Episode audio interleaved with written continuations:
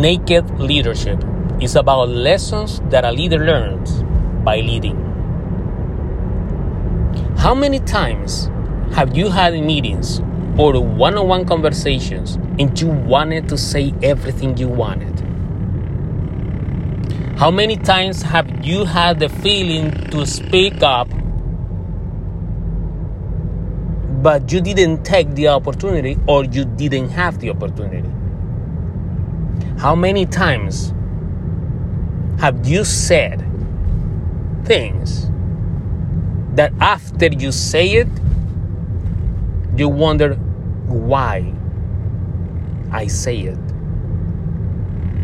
How many times have you spoke up and then tried to fix it after the fact?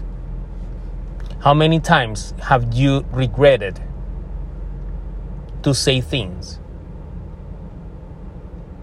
either in personal or professional situations? How many times? That's when a leader, when something like that happens, or you face different situations when you want to speak up and you have, but you have created more problems, more conflict, because you say in the wrong context with the wrong people. That's when a leader learns to shut up. Yes, a leader learns to shut up. That's one of the lessons that you're not going to learn in a school or in a training room. It's not going to happen. You're going to learn this lesson. You're going to learn to shut up only when you are leading, only when you are facing all those situations that I have told you before.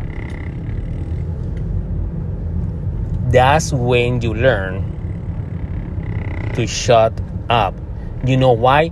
Because leaders, we as a leaders, we learn that there are things that are better if we don't say it. That when we keep silence, silence becomes a strategic weapon for leaders. Silence can make the difference between success and failure sometimes. Don't you believe me? Try it. Silence can become the best friend of any leader.